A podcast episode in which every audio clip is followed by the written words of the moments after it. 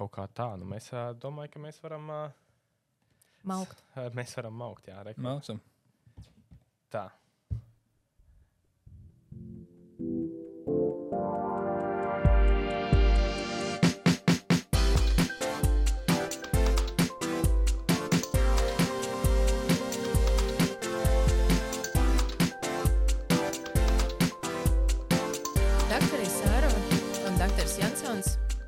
Sasauc koncīliju. Un šodien mūsu viesis ir ārsts anesteziologs Arvīts, kura uzvārdu, diemžēl, es nenoskaidroju pirms ieraksta sākšanas. Arvīd, kā- iepazīstiniet ar sevi. Var mēģināt uzminēt biežāko Latvijas uzvārdu. Vai otro biežāko? Jā, tieši tā. Ko? Nevar būt. Tiešām es tā. Ak, Dievs, man jāpērk kaut kāds loto biļets. Wow! Tātad Arvīts Bērziņš, cik tas bija neveikli. Ļoti labi, jo tas atrisināja pirmo opening question. tas atrisināja opening question. Arvīds, tātad tu esi anesteziologs. Un mans pirmais jautājums, es īstenībā šoreiz banāli. Tu zin, zināji par to, ka tu būsi anesteziologs jau kaut kad sen, jau studiju gados, vai tas atnāca kaut kur vēlu un tā pamazām, vai tas bija tāds nu, sk- skaidrs. Es esmu Arvīds un es esmu anesteziologs. E, Par to, ka vai es esmu Arvīts un esmu anesteziologs, izstāstīšu vēlāk viens smieklīgs stāsts. Bet uh, kāpēc vai kurā brīdī tas faktiski bija nu, kaut kāds otrais kurs medicīnā. Tā tad diezgan agri. Diezgan, Diezgan agri. agri, jā.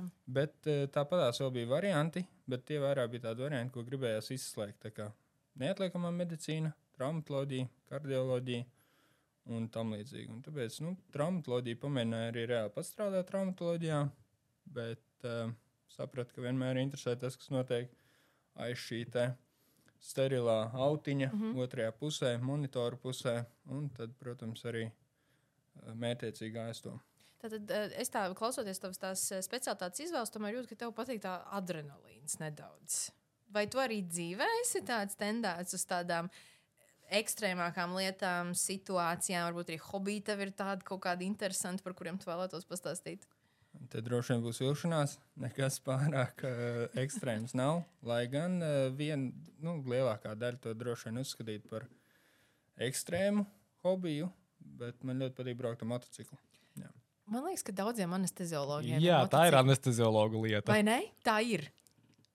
Es nezinu, es, Nu, vai tev kolēģiem citiem nav? ā, dažiem ir, dažiem ir, bet es tikpat labi arī sastopu ķirurgus, traumatologi. Ļoti daudz Jā. arī brauc ar motociklu. Uh, ķirurgi daudz brauc ar motociklu. Tā kā ne tikai anesteziologi, es redzu arī ikdienā arī citus ārstus, kuriem ļoti patīk braukt ar motociklu. Bet es paturpināšu, vēl pamudināšu par to adrenalīnu. Uh, tu esi anesteziologs, bet tu neesi anesteziologs plāna privāta klīnikā, kur operē mazas operācijas. Tu strādā Latvijas onkoloģijas centrā, kur arī noteikti arī anesteziologiem tas darbs ir varbūt stresaināks kā kaut kādās mazās plāna manipulācijās. Tad tomēr adrenalīns mazliet. Droši vien, un uh, tomēr uh, tās ir plāna operācijas pamatā Latvijas onkoloģijas centrā. Bet te taisnības labāk jāsaka, ka es strādāju arī Gaļazarā, kas ir pēc būtības viens stacionārs. Uh, un tur uh, nodrošina tieši neatliekamās uh, anestezijas visbiežāk. Um, ir tāda izrāde, Žižeks un Petersons gadsimta duelis. Es zinot to, ka man šobrīd šeit studijā ir gan ķirurgs, gan anesteziologs, es vēlos pateikt, ka man liekas, gadsimta duelis notiek operāciju zālē. Un mans jautājums ir tāds, kurš tad ir galvenais operāciju zālē? Ķirurgs vai anesteziologs? Ļoti atkarīgs no situācijas. Pēc būtības eh, ķirurgs ir tas, kurš nosaka, vai vispār operācija ir vajadzīga. Līdz ar to varētu teikt, ka ķirurgs ir galvenais operācijas zālē. Taču anesteziologs atsevišķos brīžos var arī būt galvenais un uzņemties šī galvenā loma. Un eh, šādi citu arī bijis. Ir tie, es nezinu, vai, vai dr. Jansons bija tajā brīdī uz vietas eh, operācijas zālē. Bet vienreiz vajadzēja tā arī ķirurgiem arī tā uzbraukt, ka nu, stop, nu, nu ir rokas jāņem ārā no tās vietas, kur, kur viņas atrodas. Un, uh, attiecīgi, tāda man bija pirmā reize tāda situācija, jāsaka. Es tik biju dzirdējis, ka ir tādas bijušas un tam līdzīgi, bet tā man bija pirmā reize. Un uh, doktors izņēma rokas no brūces Un nekas nemainījās. Viss turpināja arī būt slikti. Un es uh, nākamais, jau, ko es teicu, jau arī lai instrumenti nāk ārā Jā. no, no brūces, un tad viss aizgāja uz labo pusi. Kā tev liekas, būdam ķirurgam, kurš ir galvenais operācijas zālē? Man liekas, ka tas e, man kā pediatram, kurš operācijas zāli tikai redz tā no malas un redz, kā pacients tur aiziet, es vienmēr dzirdu to, ka jūs tur savā starpā nevarat izkasīties, kurš tad ir galvenākais. Es neteiktu, ka ir kāds galvenākais. Pirmkārt, jau nu, ķirurgs varbūt var būt tas, kurš inicijē, ka tā operācija ir vajadzīga, bet, kad pacients ir iestājies un, nu, piemēram, ir jāpaskatās tas pacienta stāvoklis, vai, viņam, vai viņu var operēt. Tajā brīdī jau galvenais ir atkal anesteziologs. Tā kā es teiktu, ka tas ir neviens nav galvenais. Tā ir vienkārši komanda, kura nu, tas ir uh, cimdiņš un uh, pirkstiņš un rociņa. Es pilnībā piekrītu, tas ir komandas darbs, komunikācija, atkal jau par ko jau arī iepriekšējos podkāstos bija. Tieši tā komunikācija. Klau, bet es gribu mazliet es, pakāpšos uz daudz. Es jau diezgan daudz zinu par tavu darbu, bet uh, cilvēki nevienmēr, ne visi, kas mūs klausās, varētu zināt. Tātad specialitāte, ja es pareizi saprotu, saucās anesteziologs vai domzīme vai slīpsvītra reanimatologs. Tieši tā. Tad kas tad tas ir? Anesteziologs, reanimatologs, ko tā specialitāte pati par sevi nozīmē? Nu, tā tad mēs nodrošinām anestezijas operācijas laikā, kā arī mēs nodrošinām intensīvās terapijas darbu. Un te gan atšķirās ir uh, ārzemes, kurās attiecīgie speciālisti, piemēram, nodrošina intensīvās terapijas darbu, piemēram, pulmonoloģijas intensīvā terapija, tad tur strādā pulmonologi, terapeiti, nefrologi atkarībā no profila. Bet uh, tā tad, uh, jā, pamatā reanimatologi ir arī intensīvās terapijas speciālisti. Man, uh, ir radies, man ir divi tādi iespējas par anesteziologiem. Viens, man liekas, ka jums ir nenormāli laba humora izjūta. Man ir tāda sajūta, tāpēc, ka par anesteziologiem ir ļoti daudz tādu mīmī un visas pārējās lietas, ka jūs tur sēžat telefonā, uh, operāciju tur laikā un tur spēlējat spēlītes. Tas ir viens, kas man liekas, kad, um, un otrs, man liekas, ka jūs esat ļoti mierīgi cilvēki, ka jums nav tendence krist panikā. Kas man liekas, tā ļoti saistoši. Vai tas tā ir, vai jums ir laba humora izjūta, vai jūs kopumā esat tādi ļoti mierīgi un, un, un rāmi cilvēki. Nu, par humoru izjūtu es nevaru tik labi izteikties, jo par sevi jau vienmēr gribētos paslavēt, ka ir. Bet, uh, bet kopumā mēs esam mierīgi. Lielajā vairumā gadījumu, tad, kad citi jau krīt panikā, tad anesteziologs vēl ir mierīgs. Tad tas ir kā indikators. Var runāt tālāk. vai Jā, ne? jā, jā, jā, Indikators, jā. In, indikators bija ok. Jā. Tas bija ok. Tas bija tāds Man patīk, universāls. ka cilvēks zina to mūsu. To, to, to. Tas bija tik Es labi. jau biju pamanījis. Jā. Jā. Uh, respektīvi, ja anesteziologs ir panikā, tad nav labi. Tad, uh, tad, Kam ir jānotiek, lai anesteziologs nebūtu Jā. panikā? Jo, nu, ja Lai ķir, viņš būtu vai nebūtu. lai anesteziologs kristu Ah, panikā. lai Kristu panikā. Jo es domāju, no anesteziologs vai vēl vairāk reanimatologs. Ja tu tiec izsaukt reanimatologu, tas nozīmē, nu, ja slimnīcā tiek izsaukts reanimatologs, tas nozīmē, ka ir slikti. Un jūs tāpat esat mierīgi. Jā, jūs, jūs neesat jo ir, tāds, mierīgi. ir arī tāds video, kur tā kā, ir zilais kots, visi skrien un anesteziologs vienkārši tā lēnām ar savu somu dodas. Un, uh, vai zilais kots ir panika anesteziologam vai nu, tā, nu, ka tiksim galā viss. viss Nu, īstenībā iekšēji jau ir. Lielajā vairumā gadījumā iekšēji ir viegli. viegli nu, es nezinu, vai to nosaukt par paniku, bet uh, pavisam noteikti tas ir ļoti augsts stresa uh, situācija. Un ir ļoti svarīgi, ka mēs uz āru to varbūt neizrādām, mm. bet uh, paturam iekšā, jo uh, tas ir uh, nu, no tā būs atkarīgi īstenībā arī komandas darbs. Ja anesteziologs būs stresā, panikā, nu, stresā viņš jau ir. Ja viņš būs panikā, tad, uh, tad principā tā, tā glābšanas operācija varētu nebūt diezgan veiksmīga. Tāpēc uh, ļoti svarīgi ir, ka anesteziologs saglabā mieru. Vai e, tas zilais kods, jāpiedod Reina, man, man par to zilo kodu ā, jautājums ir, varbūt atceries, kāds ir il- ilgākais tas reanimācijas pasākums, ko tu esi veicis un kur ir izdevies to cilvēku atgriezt šajā saulē? Te gan jāpadomā. Ir bijis reanimācijas, kurās es esmu piedalījies, bet vēl nekā anesteziologs. Es biju studiju gados, tajā laikā strādāju uzņemšanas nodaļā un biju uh, kā sanitārs. Uh, bet uh, toreiz nebija veiksmīgas tās reanimācijas, bet tās bija reanimācijas ar 20 plus stundām.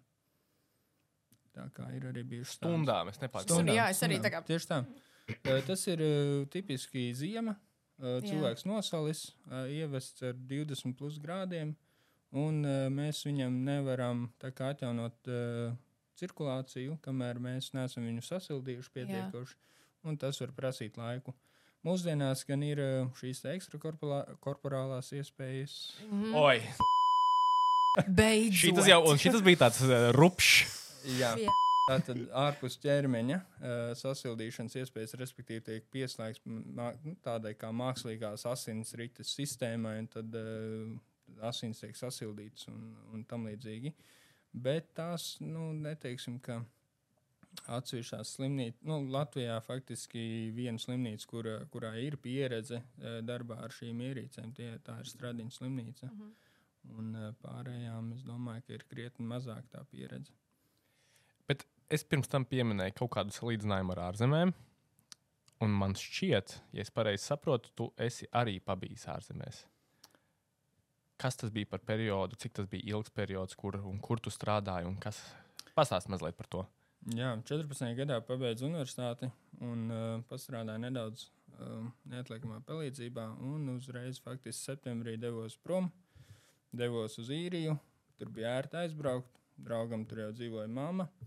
Un tad uh, līdz ar to mēs tur uh, pavolontējām sākumā, kamēr sakārtojās visi papīri. Uh, un tad, uh, attiecīgi, sākām strādāt uh, slimnīcā.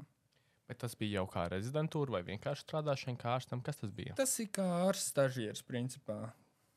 Mu, nu, tur ir sava sistēma, tur viņiem ir uh, gradācija pēc uh, sava iekšējā terminoloģija, ko es iespējams Mm. nav vērts šeit izteikt, bet uh, tas ir apmēram tā kā ārsts stažieris Latvijā, bez, uh, bez attiecīgi, bez rezidentūras. Un tomēr atbraucījāt atpakaļ. Jā, sieva vainīga. Sievai. Protams, kurš gan cits, ja ne sieviete, bet vainīga. Bet uh, tu esi priecīgs, ka tu esi šeit, vai bija kaut kādas lietas, kas tev ir jāpatika labāk? Kaut kādas lietas man tur patika labāk, bet, uh, protams, ka šeit man ģimene, sieva, uh, ies, iespējas iestāties arī rezidentūrā šeit bija lielākas, līdz ar to arī karjeras iespējas šeit bija labākas. Vismaz straujākas, varbūt ne labākas, bet straujākas noteikti. Un, uh, jā, tāpēc tas viss kopā man lika atgriezties, kā arī tur, tur nu, tu neesi tajā vidē, kurā tu visu laiku gribētu būt. Jā. Šeit vairāk ir tomēr mājas un draugi un vispārējais. Es, um, mēs te esam aizsākuši tādu maziņu lietiņu šajā podkāstā. Ir tāds latviešu SSK desmit izveidošana. Un uh, vien, viens jau mums diagnozi ir caurvējš, jā, iekšā. Bet es no savas pieredzes esmu pamanījis, ka latvieši tāda kūtra tauta attiecībās precēju līdzekļu lietošanu. Nu, vismaz pediatrijā diezgan ļoti novēro, ka bērnam sāp un tad vecāki baidās dot precēju līdzekļus. Man nezinām iemeslu dēļ. Arī pieņemsim tās pašas sievietēm mēnešai ir sāpes turās. Ja? Desmit balvas jau saka, ka tur jau slēdzas ārā, bet turās. Kā tev šķiet, vai mēs SSK klasifikatorā varētu iekļaut tādu diagnozes kodu, ā, bailes no pretsāpju līdzekļiem vai sāpes un ciešanas? Vai tas mums latviskajā dzīves ziņā ir raksturīgi? Es domāju, ka noteikti to var iekļaut. Tas ir, bet tas, manuprāt, nav tikai latviešiem. Ah, ja? Tas ir globāli. Man liekas, ka cilvēki ir tādi, kas eh, ir tendēti vairāk uz eh, sāpju paciešanu. Un, uh, diemžēl, nu, diemžēl tā tas ir arī pasaulē. Ir dati, ka oligoanalgēzija Viņš tā kā tik labs vārds. Jeb- nepietiekoša atsāpināšana mm. -hmm. ir pat sastopama nu, atkarībā no datiem, bet pat līdz 50% gadījumu. Tas vairāk ir gan uh, ārpus uh, slimnīcas etapā, bet, uh, bet arī slimnīcas etapā ir šī problēma saglabājusies. Bet vai ir zināms, kāpēc tas tā ir? Nu, tur ir dažādi faktori. Mhm. Tie faktori, piemēram, ir, ja mēs runājam par uh, narkotiskiem uh, atsāpināšaniem līdzekļiem, tad uh, tās ir bailes no atkarībām. Mhm. Um, īpaši jau ņemot vērā Amerikas pieredzi, Amerikas datus un, un tam līdzīgi viņiem ir īsta opioīdu krīze. Un, um, jā, tāpat arī bail no, no jā, medikamentu kaitīguma. Big Pharma. Es Jā, reiz Big lasīju, Pharma arī ir viens no argumentiem, ko, ko, ko mēs šeit dzirdam. Mhm. Mm -hmm. Bet es reiz lasīju, ka ja daudz vietā pasaulē ir krīze ar opioīdiem, pārlieku opioīdu precāpju zāļu lietošanu, nestīvi opioīdu. Mm, Vienkāršāk sakot, narkotisku uh, medikamentu precāpju zāļu lietošanas krī, uh, krīze, tāpēc, ka liek lietots par daudz. Es esmu dzirdējis tādu viedokli, ka Latvijā mēs varētu pat teikt, ka mēs esam tieši pretēji, ka mēs varbūt bieži lietojam par maz. Ir īpaši kaut kāda Arī ārsti baidās un tā tālāk. Kāda ir tava tā sajūta par to? Nu, ļoti grūti pateikt. Manuprāt, eh, ikdienā ārpus slimnīcas cilvēki tiešām uh, lieto iespējams par mazu. Bet, nu, ļoti, ļoti, ļoti grūti pateikt. Man nav tāda. Bet datu. slimnīcās. Tiksim. Slimnīcās es atkal redzu to, ka nu, piemēram, ir ķirurgi, kas izvairās uh, dot uh, medikamentu kombinācijas jau pirms klasiskā promedola ievadas. Jā, vienkārši cilvēkiem ir hops, promedols un, un liekas, ka viss būs labi. Bet patiesībā ir svarīgi mm. ievērot šo te. Gribētu sakot, teikt svešu vārdu. Tad es jau tādu multimodālu. Kas būtu? Tas būtu, mēs iedarbojamies uz sāpju ceļiem. Uh, faktiski no dažādiem uh, rakursiem, veidiem, uh, lai šīs sāpes mazinātu. Un, uh, un mēs vienmēr arī šo te terapijas veidu iesakām. Bet uh, nereti ir novērots, ka ķirurģiem patīk, ka uh, viņš taču tāpat saņems promidolu un mm. viss, viss būs labi. Mm -hmm. Pirms Reinas jautās savu mīļāko jautājumu par cik vos piecelies septiņos, es gribu pajautāt vienu īsu jautājumu. Cik tev darba vietas ir? Oficiāls. Neoficiāli man nav. uh, tā tad uh, Rīgas Stradiņa universitāte. Bet uh, dažādas katedras. Tātad, uh, tātad akadēmiskās, akadēmiskais ceļš. vai vienas, nezinu, kā to īsti. Di, dažādas katedras, esi. Nu, bet, tā būtu viena, da, bet tā būtu viena darba vieta universitātē. Viena ar pusi. Jā. Mhm. jā. Un tad ir šīs te Rīgas Austrum Kliniskā universitātes slimnīca, jā, kas ir uh, gan Gailezers, gan Latvijas onkoloģijas centrs. Un tad vēl pavisam neliela, neliela slodzīte ir arī uh, mazā, uh, nu, neteiksim mazā, bet nu, privāta klinikā, arī uz īsām narkozēm. Nu, es teiktu, ka četras, piecas darba vietas tās ir. Nu, tas klausās briesmīgi, bet tās slodzes jau var menedžēt lēnā garā. Nu, labi. Reini? Jā, šis ir ļoti svarīga sastāvdaļa. Tātad Dakteris Arvīts Bērziņš pamostās.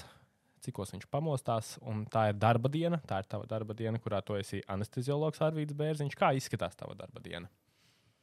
Tad mūsos es apmēram 6.30, bet uh, kā kur dienu. Un uh, jā, bērni, bērndārs, vēl kaut kas, un tad ir uh, braukšana uz darbu. Parasti pēdējā brīdī ierodos, un uh, 5 minūtes ap, apzinos, kā, kāda darba jāveic. Iespējams, ja tā ir dežūra, iespējams, man ir brīvāks brīdis, e, ja nav akūti pacienti. Ja tā ir e, darb, e, darbs onkoloģijas centrā, tad, tad, jā, tad ejam uz zāli un strādājam. Un cik ilgi strādājat? Nu, Latvijas onkoloģijas centrā tas vienmēr ir labs jautājums. Kamēr, kamēr beidzas? Sastajā operācijas zālē tas tur, ir labs jautājums. Tur ir, jā, kad kad, kad beidz ķirurgi, tad arī beidzam mēs. Jā. Un tad mēs, tā kā mēs esam divi anesteziologi, divi galdi, tad mēs varam arī kādu dienu viens otru, tā kā bišķiņu uz beigām jau arī aizvietot, jā, vienu palaist ātrāk. Grib... Ir... Mm, es maz saprotu no operācijām, bet jūs esat kādā ziņā divi anesteziologi. Vien, vienā dienā ir tikai divi anesteziologi? Nē, nē, tas vienā zālē. Vienā à, zālē okay. uh, viena tāda lielāka telpa. Jā Un, un, un tad attiecīgi. Bet vidēji, nu, cikos beidzas tā darba? Ja, nu, vidēji, vidēji tā arī ir uh, ap četriem. Ap jā, četriem bet, beidz. ja tā ir universitāte, tad tas ir bieži vien līdz uh, septiņiem, mm -hmm. sešiem. Gadās septiņiem. arī, jā, gadās arī tā, ka pēc tam četriem tu dodies gaļazaru uz to dežūru uz akūto kaut kādā veidā. Gadās arī tā, un gadās arī tā, ka es dodos pie studentiem, un, un tad attiecīgi strādāju pie studentiem līdz vēlam vakaram. Un vēl doktorantūra. Es pareizi saprotu. Ir tāda lieta, jā. Arī doktorantūra. Respektīvi, doktors Arvīts Bērziņš ir diezgan noslogots. Viņš ir diezgan no, un tik mierīgs par to. Izklausās es... briesmīgi, bet. Jā, es, labs jautājums. Tev tas darbs ir, nu, viņš nav bez stresa. Nu, nav viņš ir nav ar mazu slodzi. Un tad uh, Arvīts Bērziņš, doktoris, aiziet mājās. Kā tu ar to tā mierīgi tiec galā? Vai tu ir. Uh, Vai tas vēl kāds līdzi tas stress uz mājām kādreiz, kad tur ir? Nu, nav laika domāt par darbu mājās. Ir eh, bērni, un tad attiecīgi jāpārņem, jāpārņem stafete, lai, lai arī sievai ir laiks atpūsties. Jo viņi, viņi ir visu laiku darbā faktiski. No tā.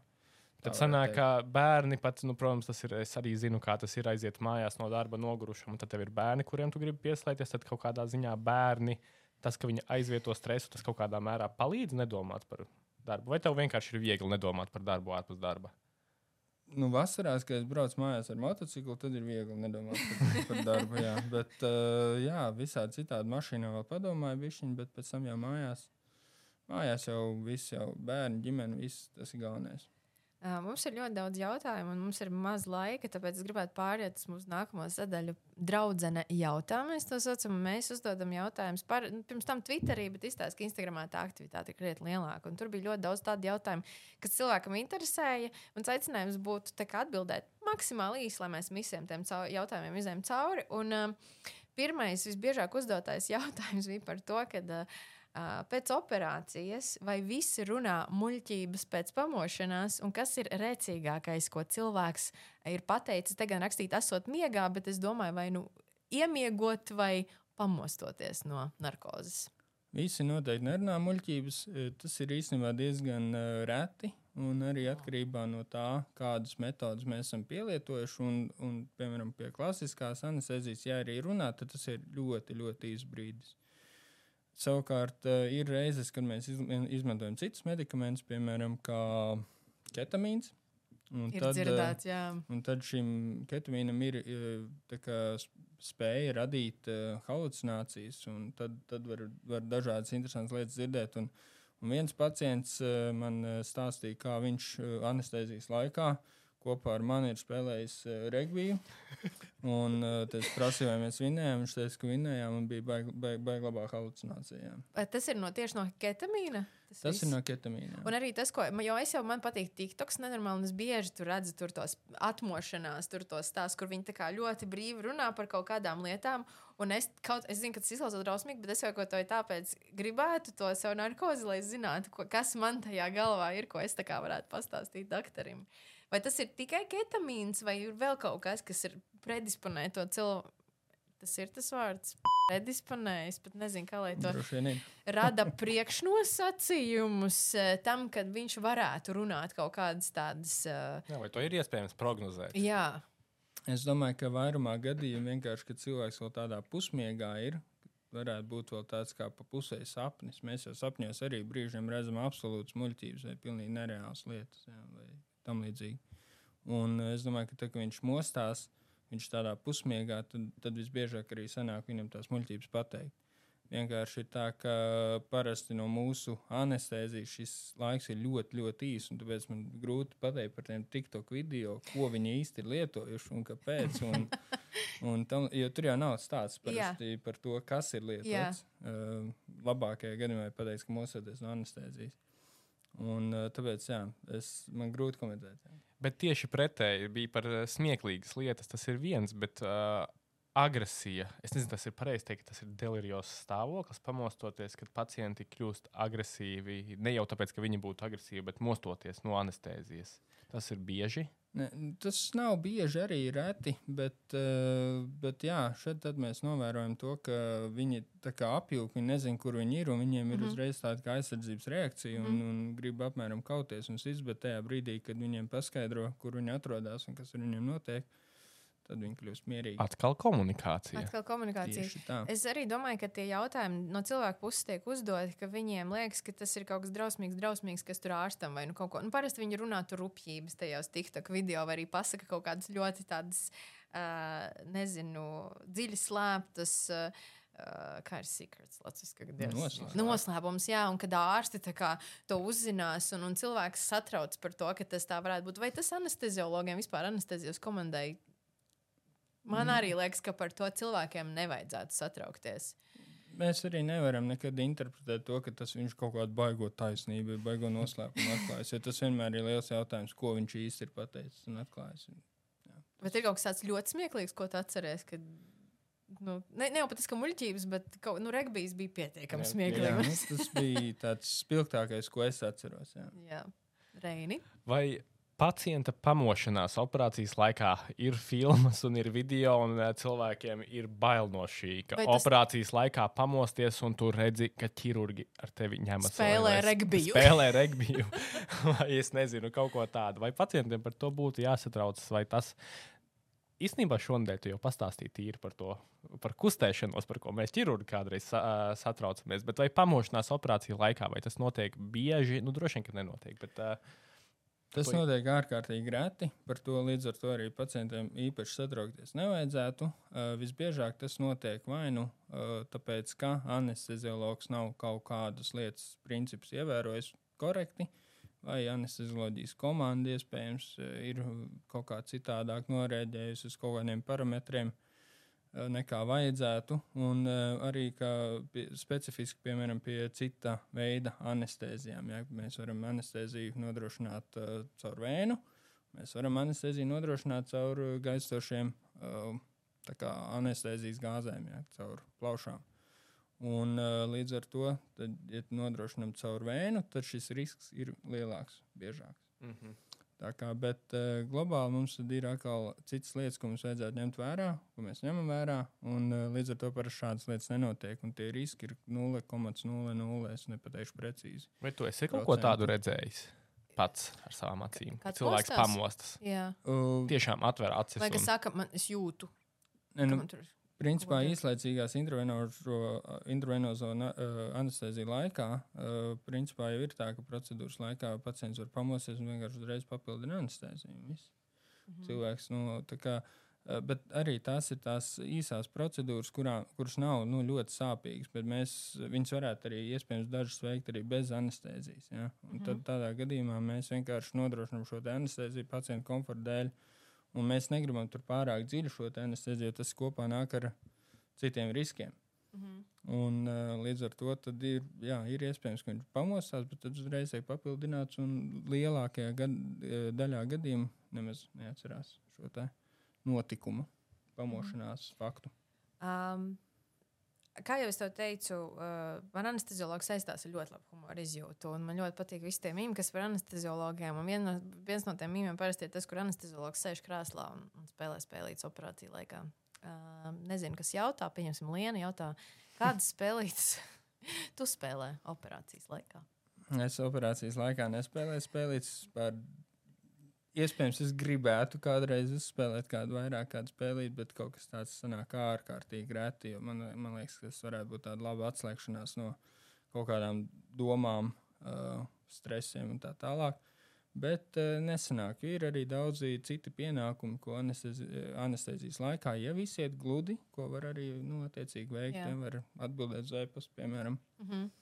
Tā kā nesenāk. Bet vai tas mīmīms ir tāds, uh, no kā radies, vai tas tomēr, vai tam mīmam ir kaut kādas uh, Es domāju, ka ir. kājas? Ir, ir Un kājas Bubble trouble rekordi starp anesteziologiem. Es- kāds Candy Crush. Šeit tad palasu kaut kādu ziņu virsrakstu un kādu joku pasaku, lai ķirurģiem arī jautrāk. Tā kā, tā kā Starp citu, jā, vai operē, šis nav ierakstīts iekšā, bet tas bija mans jautājums. Vai ir tā, ka slēdzat operāciju laikā kaut kādas mūzikas arī, uh, lai arī jautrāk pašiem, vai bija šī raitāk tas darbs arī iet, vai tas nav ierasta praksa operāciju laikā? Nē, ir gan ierasts praksē, operācijas laikā mūzika. Ir arī bijis gadījums, kad es nodrošinu kā spināla anesteziju. Tātad, Tātad anestezija, kurā tiek bloķētas muguras smadzenes un impulsi. Vēl vienkāršāk. Jā, kur ie, ko ievada? Kas notiek? Mēs cilvēkam? ievedam lokālu, jeb vietēju anesteziju. Kur? Uh, muguras Iedura Muguras tādā tīņa mugurā. Starp, starp tā telpā. tur. jā, jā, un attiecīgi tad uh, no tās vietas uz augšu tur vēl izplatīties var uz augšu, uz, mm Mhm. -hmm. uz leju tas medikaments. Bet no tās vietas, respektīvi, parasti pacientam stāsta nu, no vēdera uz leju. Jā. Uh, Tā tad uh, jūs nu, nejutīsiet, ko mm Mhm. -hmm. tur dara. Uh, un uh, tā bija tāda satraukusies kundzīte, stipri, stipri gados, virs 90. Un es viņai prasīju, ka, un, un ķirurģis bija tāds, kurš klausās par smago roku mūzi, operācijas laikā, un es sapratu, ka nu, tā nebūs labi. Un tad es pajautāju, ko viņi klausās, un viņi teica, ka viņi parasti klausās Latvijas Rādio 3. Un, uh, mēs uzlikām Latvijas Rādio 3, un mēs klausījāmies klasisko mūziku operācijas laikā. Oh, tas ir Es par šo jā, ok. lasīju. Es, nezinu, es tiešām nezinu, vai tas ir taisnība, bet ir raksts par to, ka Amerikā aizliedz operācijas zālēs klausīties bass. Tāpēc, ka vienkārši tā mūzika, kas man tā ir kā provocējusi kļūdu skaitu. Tā var-. Es īstenībā varētu iedomāties, jo man pie mūzikas parasti patīk arī pakustēties. Un Es nesaprotu, ja tur Es pat neesmu pamanījis. Sastajā zālē ir mūzika. Ir, skan? ir mūzika, ir radio. Es- Man liekas, es- radios kontos laiks. Man- jā, jā, pareizi. Tur šajā reklāmā arī nodarbojamies. Bet... Es kaut kā tos palaidu garām. Jo es pamanīju, nesen, ka es biju citā operācijas zālē, kur bija cita mūzika, un es pam- to piefiksēju. Bet kā Bet mūzika jau skan pacientam ie, iebraucot. Viņš vēl ir pie sa- samaņas, un viņš arī dzird to mūziku. Vai tas tomēr tiek uz to brīdi izslēgtā mūzika, lai nerastu to nenopietno noskaņojumu? Eh, Pareizi būtu jābūt tā, ka tajā brīdī, kad pacients iebrauc zālē, Jā. vispār mums komunikācija notiek tikai par un ap pacientu. Ja? Jā. Uh, diemžēl nevienmēr un visur tas ir uh, iespējams. Un, uh, piemēram, mūsu uh, operācijas zālē, bet es domāju, ka tas, uh, tas uh, mainīsies un tiks uh, radīts jauni šie apstākļi. Un vairs tā nebūs, bet uh, mums ir tā, ka jau viena ķirurgu komanda strādā, Mhm. uh, un uh, otra, uh, tātad, kamēr otrs pacients uh, tiek nu, ievests zālē un tiek uzsākta šī anestezija. Mhm. Tā kā tur eh, noteikti nevar būt tāds pilnībā uz pacientu centrēta tā komunikācija. Mm. -hmm. Pacientam, diemžēl, nāks dzirdēt arī kaut ko, kas ir no malas. Un Tas, tā ir lieta, ko uzlabot. Un es domāju, ka, es domāju, ka tie uzlabojumi vairs nav ilgi jāgaida. Mhm. Es gribu pakāpties 16 soļus atpakaļ, jo Wow. mēs turpinām jautājumus, bet es atceros, ka es nepajautāju uh, arī vēl vienu ļoti, ļoti svarīgu jautājumu. Mm. -hmm. Izliksimies, ka tas ir skatītāja jautājums. Uh, es zinu, ka tu esi tāds aktīvs un mēģini cīnīties par lietām. Vismaz es tā esmu piefiksējis slimnīcā, ka ir lietas, kuras var notikt mūsdienīgāk, atbilstošāk. Uh, Mūsdienu prasībām, rietum, rietumiem tuvāk, mm. -hmm. un tu par to ļoti cīnies, lai tās uzlabojumi nebūtu. Bet kas ir tās lietas, kas tev visvairāk besjārā savā darbā? Tas neobligāti, kas tieši darba vietā, bet vispār, kas tev nepatīk un uh, besī. Arī medicīnas sistēmā derēs. Vai kas tev sāp un liek gribēt mm. -hmm. uzlabot lietas? Ļoti, ļoti sarežģīts jautājums. Man patīk, man patīk, ka anesteziologam uzdod tā, kas, kas tev sāp. Anesteziologam. bet tas tā filozofiski, bet, bet, bet skaisti. Jā, nu, tad nāk prātā viena pavisam nesena saruna uh, ar rezidentu par intensīvo terapijām. Manuprāt, uh, bērnu slimnīca ir lieliski atrisinājusi vai lieliski respektē bērna vajadzības intensīvo terapijā. Līdz ar to bērni, kur ir nomodā, kur ir, uh, kuri ir pie apziņas, mm -hmm. uh, viņiem ir iespēja skatīties multenus, iespēja sev kaut kā izklaidēt tad uh, bieži vien, un es negribu teikt par visām reanimācijām, par visām uh, reanimācijas komandām, es domāju, ka tas tā absolūti nav, un ne, nu, nevar tā kā teikt par visiem, bet uh, iespējams, ka pieaugušiem mēs krietni uh, grēkojam uz to, ka mēs viņiem nedodam šīs iespējas, vai arī viņas ir krietni mazākas. Uh, un es domāju, ka nu, nav, nav forši, ja nedēļa jānoguļ gultā, skatoties uh, nezinu, uz lampu augšā. À, tā kā nevar paskatīties, un- un nevar paskatīties multinītes no Eh, sērijas. Ziņas, Jā, jā, eh, jā, jā es tagad saprotu. mēdījus, nu, vienalga.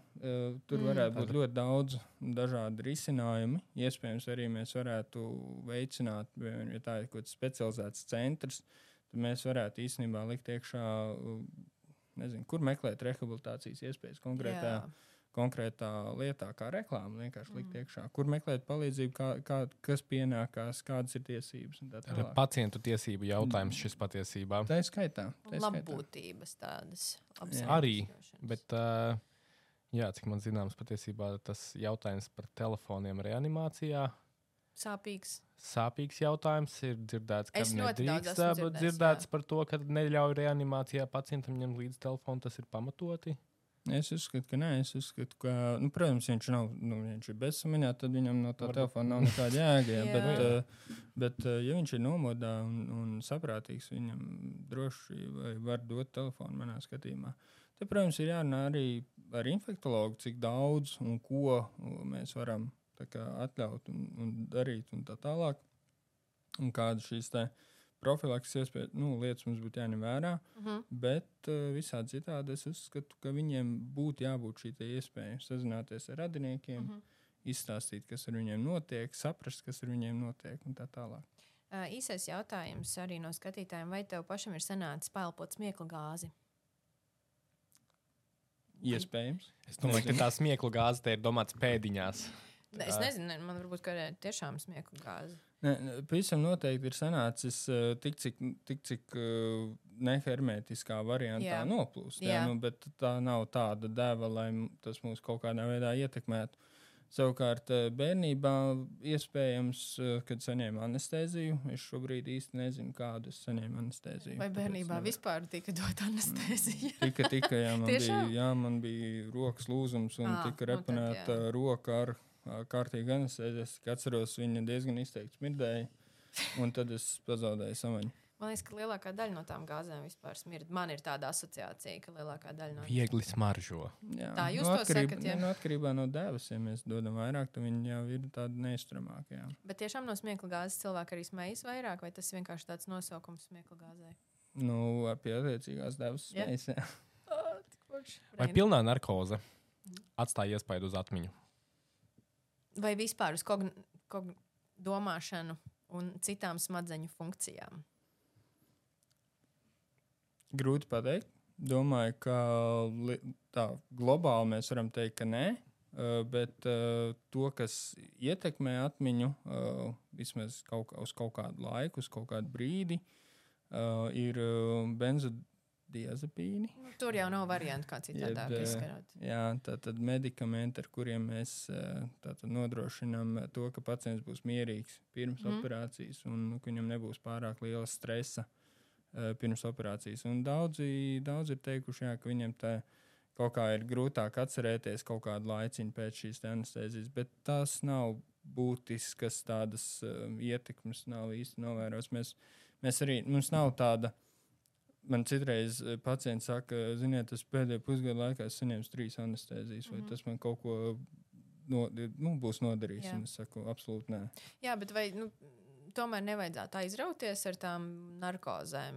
Jo, nu, pieņemsim, tagad arī tās zobu labošanas notiek uh, narkozē un, un, un viss pārējās lietas. Vai tas ir ok, vai tomēr nevajadzētu baigi aizrauties? Pilnīgi es visu varu darīt. teikt šo te frāzi, ka nepamatot medikamentu lietošana ir kaitīga jūsu veselībai. Nu, respektīvi, lietojam tad, kad vajag, Jā. tad, kad nevajag, tad nelietojam. Ja ir iespēja lokāli, mēs arī vienmēr piedāvājam, eh, ja, ja mums ir tāda iespēja, mums vienmēr plāns A varētu būt eh, šī lokālā anestezija, mm. -hmm. jeb vietējā anestezija.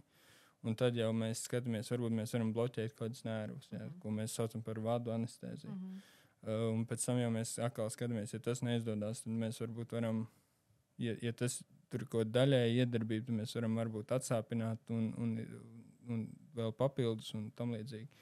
Uh, bet tas viss ir, ja ir iespējams. Ja. Mhm. Mēs nevaram, liela daļa operācijas mēs nevaram uzsākt šādā veidā. Pēdējais jautājums no tevis, Reini. Cik ļoti? tas nav jautājums no manis, tas ir no Twitter. Jā. Cik ļoti anestezijas efektivitāti ietekmē alkohols? Respektīvi, vai alkoholisms kā problēma, vai tas apgrūtina anesteziologu darbu? Vai arī es pat papildināšu jautājumu, vai, piemēram, cilvēki ar uh, vēsturē, ar uh, Vielu lietošana. vielu lietošanu, vai tas var ietekmēt jūsu darbu, to kā cilvēks reaģē uz anesteziju? Un, un, un, jā, Viennozīmīgi, jo, jo vairāk vielas un, un dažādāk viņi lieto, jo varētu būt mums lielākas devas. Tātad nepieciešams, lai šo te pacientu mm -hmm. Nosūtītu, kā saka, Miedziņā. miedziņā. Jā, un uh, mums tas jāņem vērā. Un, uh, tāpēc, ja mums kaut kas neatbilst, mēs iedodam noteikti devu, un pacients vēl ir nomodā vai, vai izteiktas ir uh, kustības. Tas, tas, tā ir tā burvīgā lieta par anestezioloģiju, ka mēs, mums nav kaut kādas ārkārtīgi noteiktas uh, devas, ko mēs varam lietot, bet mēs visu, vis, visus efektus sagaidām turpat tās acu priekšā. Mm -hmm. Ja mēs ievedam medikamentu, mēs uzreiz redzam šī medikamenta efektu. Mēs varam redzēt, vai mums vajadzētu papildināt, vai medikaments ir iedots pietiekoši. Un, uh, jā, Um, Tā pēdējā lieta, ko mēs arī parasti katram viesim prasām, ir tas, ko tā viena lieta, ko tu gribētu pateikt sabiedrībai, kā anesteziologs. Jo tu noteikti esi redzējis daudz, gan intensīvajā terapijā, gan operācijās. Varbūt tāda viena atziņa, ko mums būtu jāzina vai jā, jāpadomā vairāk. cenšamies nelietot frāzi. Hold my beer, saucās, vai, tam līdzīgi. Parādīšu, Paturi manu aliņu. Parādīšu, kā vajag. Ja, nu, tā, tādas eh, lietas parasti noved pie nopietnām traumām, ar nopietnām sekām. Un, uh, jā, domājam līdzi, ko mēs darām. traumas var būt ļoti nopietnas. Un droši vien tas visvairāk, jo viss cits, ar, vi, ar visām citām lietām, jo tur, tur mums grūtāk ietekmēt kaut kādas noteiktas slimības, vēl kaut ko Jā. mums ir grūtāk ietekmēt. Bet traumas ir tas viens no ļoti tādām lietām, ko faktiski mūsu uzvedība jau parāda, nu, vai mēs esam determinēti uz traumu iegūšanu vai nē. Uz šīs skaistās nots es saku, ka, es saku pirmkārt, paldies. Un otrs, ko es saku, ka koncīlijas ir noslēgts. Paldies!